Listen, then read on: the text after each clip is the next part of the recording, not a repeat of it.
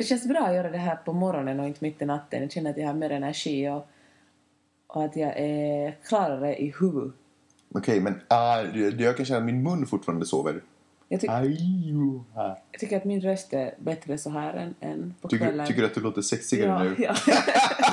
Man glider runt och softar hela dagen Peppe är i skolan och pluggar som fan men Har hon blivit smartare eller är hon en flopp? Alltså vad har Peppe lärt sig under veckan som gått? Gott folk, vi är tillbaka. Den här gången så eh, har ni kanske märkt att vi är åtta timmar sena med att publicera den här podcasten. Eh, och det beror egentligen på att Pep- det var, man kan säga att det var Peppes dag igår. Eh, Peppe var ute och festade igår så vi kunde inte spela in. Hon tänkte att det är roligare att gå ut och dricka med sina nya kompisar än att eh, redovisa för er vad hon har lärt sig under veckan. En annan lite rolig grej som hände igår, förlåt jag tar här jag tar en Nej, minut. nej. Prata bara. Jag tar-. Magnus, vad har Magnus tänkt den här veckan? Exakt. Eh, ni lyssnar, jag kan ju bara säga det. Ni lyssnar på podcasten som heter Vad har Peppe lärt sig under veckan som gått? Det är en podcast som handlar om att Peppe en gång i veckan redovisar vad hon har lärt sig i skolan. Så att vi alla eh, får ett kvitto på att de stipendiepengar hon har fått för att kunna göra det går till rätt ändamål. Så, då vet ni ungefär, då har ni lite upplägget. Jo, eh, Peppes dag igår. Eh, eh, Peppe hade det stora hjärtat att boka surfningslektioner till oss alla. Och när jag säger oss alla så är det egentligen två av våra nya vänner här i Los Angeles och eh, liksom hela familjen. Trodde jag. Det visade sig att eh, Peppe hade bokat surfning åt sig själv och våra nya vänner. Och min uppgift var egentligen att vakta Vidde på stranden. Men du får en privatlektion idag. Ja, jag vet. Du får det. Du får, Det får jag faktiskt. Så du ska vara... Det är mycket... Så du ska vara jävligt tacksam över gårdagen. Det är faktiskt så roligt att surfa. Och surfläraren verkligen så här en... Han var som en karikatyr av en surflärare. Han ser ut som om någon ska importera honom från 1992. det är sant. Ja. Ja, eh, eftersom vi spelar in det här på morgonen också så kommer ni eventuellt. Så kommer ni eventuellt höra det här med jämna mellanrum för vid är vaken. Vanligtvis så brukar vi spela in den här podcasten när vår son sover. Men eh, det sket sig. Eftersom Peppe som sagt var och söp. ja. Kan vi Eh, gå vidare till nu- något viktigt? Nu tycker jag vi börjar med podcasten. Hur många saker har du den här veckan? Jag har tre saker. Vi ska tala om eh, lite om The Newsroom och en av, en av författarna till serien, inte Aaron Sorkin, eh, lite om Aaron Sorkin också. Så ska vi tala om generationer, tre olika generationer och deras sätt att eh, konsumera TV och uh, överhuvudtaget prylar. Okej, är det Baby Boomers X och Y? Exakt, hur kunde du veta det? Ja, det brukar vara de generationerna. Ja. Och eh, så ska vi tala om uh, läsplattor i skolan. Okej, spännande. Det blir ett seri- seriöst avsnitt den här Ja. gången. Är du redo? Jag är så redo. Jag är också redo. Då kör vi. This is Maxine Taylor and you're listening to Van Hair Pitla Sig Ugna Vik Som Oint. Jag tycker det verkar superintressant med att börja med Newsroom. Vad säger du om det? Okej, vi börjar där. Det här det var en snubbe som tidigare jobbat som journalist som fick jobb på att börja skriva för Newsrooms andra säsong. Och han berättade att den första säsongen blev, blev jätte, jätte, jätte, men en del kritiserad för att det, den, hade, den hade en så sunkig kvinnosyn. Okej. Kvinnorna var klåpare och, och lite så fnissiga och, och kunde inte... Det var männen som styrde upp allting. Han sa att, att det det är Aaron Sorkin, samma snubbe som har skrivit The West Wing bland annat och en massa andra superpopulära serier som eh, är genier bakom Newsroom. Han är tydligen ett, eh, också ett, ett eh, han uppför sig som ett geni, jag, som en liten galning. Folk är lite rädda för honom. Okej. Och eh, han ville aldrig, egentligen, han sa aldrig högt ut att, att vi måste skriva in, vi måste liksom ta till oss den här kritiken och, och skriva in lite fräschare kvinnoroller i Newsrooms andra säsong. Men eh, han insinuerade och, och den här, eh, den här eh, församlingen på sex skribent, nio stycken författare så, så började skriva åt det hållet och, och det där. eh, Och tydligen så, och den har ju varit lite fräschare den här den andra säsongen. Kvinnorna har fått vara aktivare och Ja, ja, alltså, jag håller med. Ja, Jag, tycker, ja. jag älskar Newsroom. Jag Ja. tycker det är kanske en av de bästa serierna. Synd, det tog slut nu va? Mm, ja, åtminstone säsong en. Men det som var roligt var att den här, den här skribenten som snackade med oss, han sa att eh, han älskar sitt jobb och att det är sjukt utmanande med roligt att jobba med Aaron Sorkin och, och få vara i TV-världen. Men det som är mest störande är att eh, de är faktiskt slut på iPaden, för ingen har den där natten. Ja, men fuck också att han får ta min iPad under tiden. Nå, Den här snubben sa i alla fall att sen han började jobba på The Newsroom är det första alla människor han träffar säger åt honom att antingen att de älskar showen eller så säger de att de verkligen inte har tid att titta på TV, att de inte ser på den.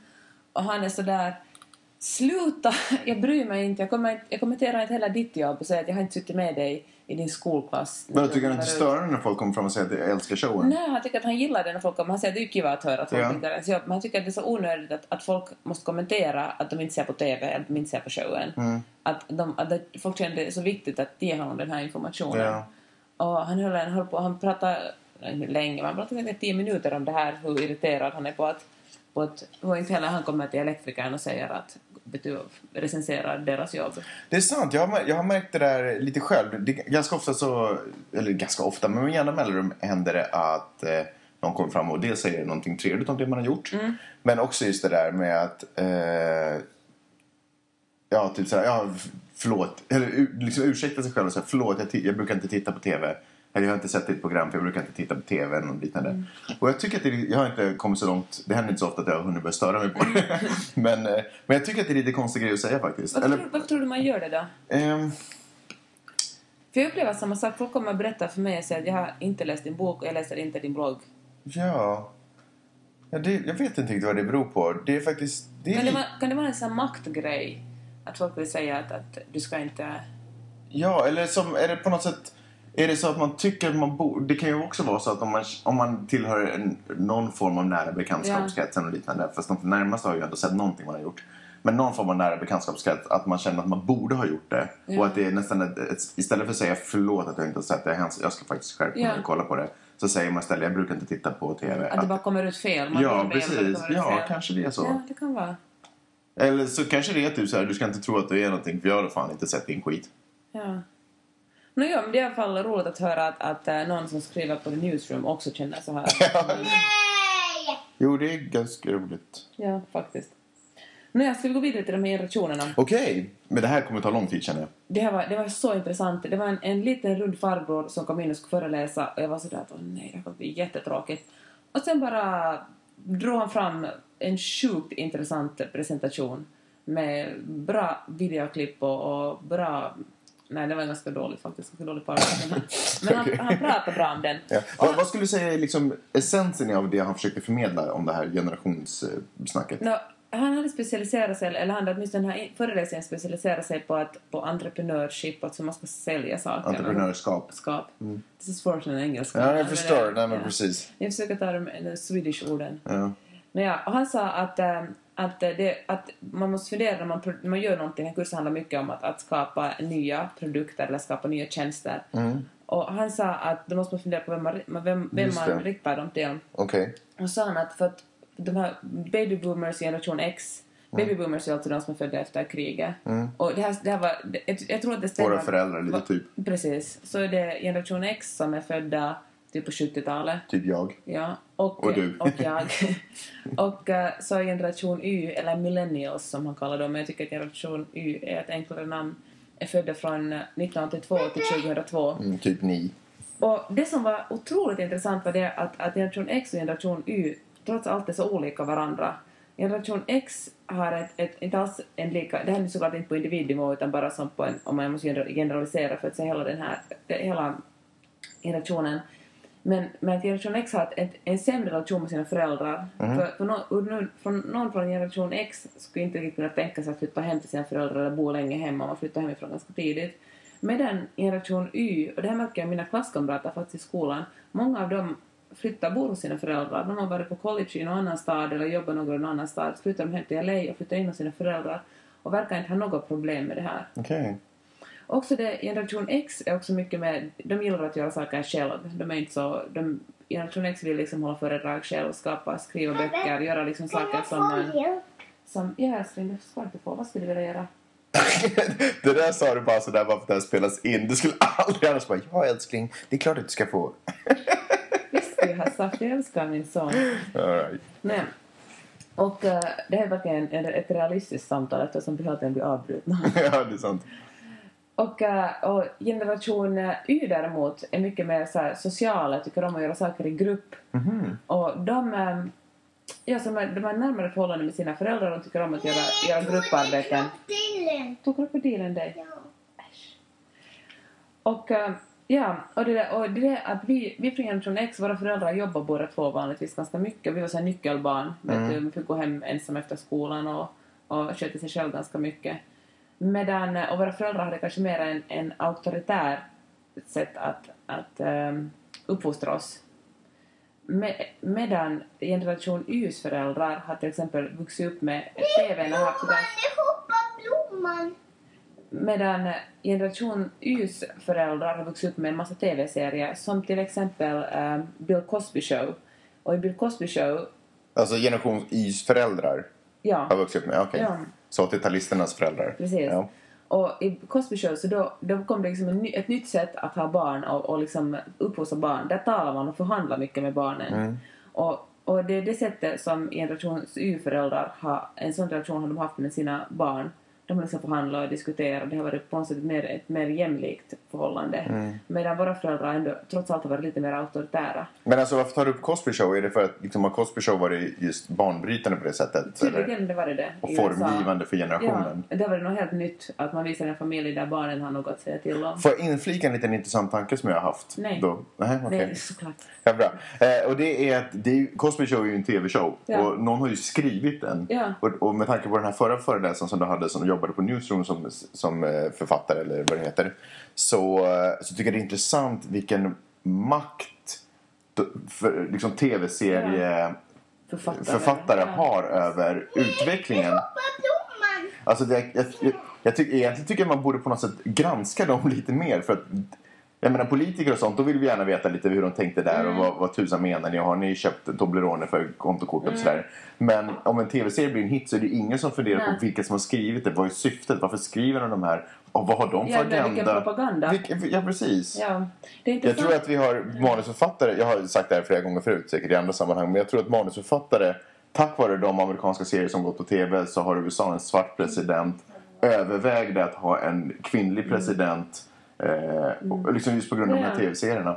Och de, det används ju, det, det, nu känns det som normalt, men det, an, men det börjar förvånas jag över att det används så mycket tv-serier i undervisningen. Mm. Varje dag, varje föreläsning refereras det till en tv-serie, att de visat Men det är tv-serier. ju bara vanliga människor som har skrivit dem. Ja. Det är liksom inte, det är inte Dalai Lama som sitter där och knäpper ihop en tv-serie, utan det är helt vanliga typer. Ja, men det är intressant man har en enorm genomslags, eller inte genomslagskraft, men en, en påverkan. Ja. Nå, i alla fall så, en an, ett annat exempel var det att ähm, Vilken, för, för, vilken tv-serie är X-generationen? äh, Friends är typiskt för Ah, X-generationen. okej. Och det är det att man har, istället för att ha en, en så att säga, biologisk familj så har man sina vänner som Mm. en familj. Vet du vad som... Men? Ah, säg då. Jo. Eh, intressant där är att Friends förmodligen är skriven av jämnåriga för jämnåriga. Ah, Medan Cosby. Show knappast är skriven av... åt- du vet, Eller det Nej. går inte för de blir för unga. Nej, det är sant. Ja, det är sant. Så den är mer undervisande i det sättet medan X-generationen verkar ha gjort saker för sig själva. Ja, och det kanske är typiskt X-generationen. X-generationen är enligt här farbrorn bättre entreprenörer också, för de vågar ta mer risker. Y-generationen är mindre risk, riskbenägna. Okej. De vill att, att allt ska... Allt har gått ganska bra för Y-generationen, för Y-generationens föräldrar har varit lite rikare än X-generationens föräldrar. Så, och de har haft en ganska sån här eh, smooth intro, liksom, inträde i livet. Allt har liksom gått ganska enkelt för dem. Det är Y-generationens föräldrar rikare för att de var äldre när de fick barnen och har liksom skaffat sig en karriär. Uh, nej, jag tror att då liksom var det ännu, ännu på den tiden så gick ekonomin mycket, mycket bättre. Mm, Jag okej. menar, det liksom, allt var blomstra i världen. Mm. Medan, medan, men det gick bra för våra föräldrar också, men de måste ändå kämpa lite mera. Okej. Nåja, uh, men ett exempel på hur, uh, hur Y-generationen, hur de produkter de vill ha är iPhonen. Är det Det är Y-generationens? Y-generationens. Jaha, okej. Och sociala medier är också Y-generationens. X-generationen hittade på sociala medier men Y-generationen gjorde medierna så, riktigt sociala som Facebook där alla är cover när man kan hänga mycket tillsammans Okej. och bilda grupper och, och sammanhang. Och, äh, men, men äh, iPaden, nej nu håller jag en iPad, därför säger jag iPad, men iPhonen, de ser alla exakt likadana ut. Det du kan välja på ungefär om du vill ha svart eller vit. Men när du äntligen får den i din hand så customiserar du den och gör den precis som du vill ha den. Liksom. Ta ner de apparna du vill ha, köper ett fodral som du vill ha till den om du vill ha sånt och, och liksom och det är tydligen typiskt för generationen. De tycker alla själva att de, är, de vill vara i en grupp, de inte sticka ut för mycket men ändå vill de vara innerst inne, tycker att de är jätteunika och speciella. Mm. Intressant. Vad heter generationen som kommer efter? Åh, vänta, du frågar någon faktiskt där. Vet jag skrev ner det. Prata om något annat medan jag bläddrar i mina papper här. Eh, jag är fortfarande lite upprörd över den där surfgrejen som hände igår faktiskt. Så att jag, kan, ju- jag kan hjälpa dig Vida. Pappa. Ja. Kan jag hjälpa? Ja. Can you? Vida sitter här och spelar ett roligt spel. Undrar vad som kommer hända med den här typen född eh, 2010, eller liksom på 2010-talet då. Eh, uppvuxen på internet. Literally uppvuxen på internet. Jag tror det kommer att gå bra. Men nu hittar jag inte. Ja, typiskt. Men, äh, you ja. Åh, dumt. Nej, det gör ingenting. Skitsamma. Den som figure them out kommer säkert att, att göra en massa pengar de vill ha. Antagligen är det liksom någon slags motsats till Y-generationen för att man vill ju alltid vara annorlunda än de som kom före en. Man tycker allt är mossigt, som har liksom just allt som är lite äldre är mossigt. Så. Ja. Hör du, Peppe. Eh, du hade egentligen en grej till att prata om idag. Ja. Men tiden har lite börjat rinna ut. jag säger det i en mening. Okej. Att använda läsplattor i undervisningen kan vara mycket billigare än att använda textböcker. Än att liksom riktigt fysiska pappersböcker. Okej. Och mycket bättre på många sätt. Men kanske vi har det som Vem, en, vem, var det som för, cliffhanger. vem var det som föreläste det? Uh, det, var, det var faktiskt vår vanliga föreläsare för den här entreprenörkursen. Men han hade varit på en, en, ett seminarium med Bill Gates. Okej, Där de hade, och en massa andra människor som hade snackat om det här. just det. Vet inte om det där var trovärdigt att säga. Nej. med Precis, för han har ju inte en egen ko i båten. Eh. Okej, men superintressant generationerna. Om, eh, det får du gärna komma tillbaka med, för det tycker jag åtminstone jag är superintressant. Hörni, ehm, det var allt vi hade tid med den här veckan. Okej, det var roligt att ni hängde med. Ja, eh, och för, Ledsen att den kom sent. ja, nästa vecka så är vi tillbaka samma tid. Eh, vi kanske inte låter lika sexiga då, men åtminstone så kan ni... Vi att vara nakna då också. Just det. Hej, supertack för att ni lyssnade. Ha det bra. Gillade ni, gillade ni det ni hörde så kan ni alltid tipsa en kompis. Det är roligt. Ja, gör det snälla. Och är det så, är det, har ni liksom några frågor eller någonting som ni skulle vilja veta mer om så kan ni skriva det kanske i kommentarsfältet här nedanför under. Ja, frågestund på podden. Eh, och till exempel det. Allt sånt är möjligt. Man får ju jättegärna kommunicera med oss. Eller du vet, om ni har något annat sätt att kommunicera med oss så, så gör det på det sättet också förstås. Helt hur man vill. Tack för att ni lyssnade. Ha det så bra. Vi hörs nästa vecka. Puss! Hej, hej. Hej.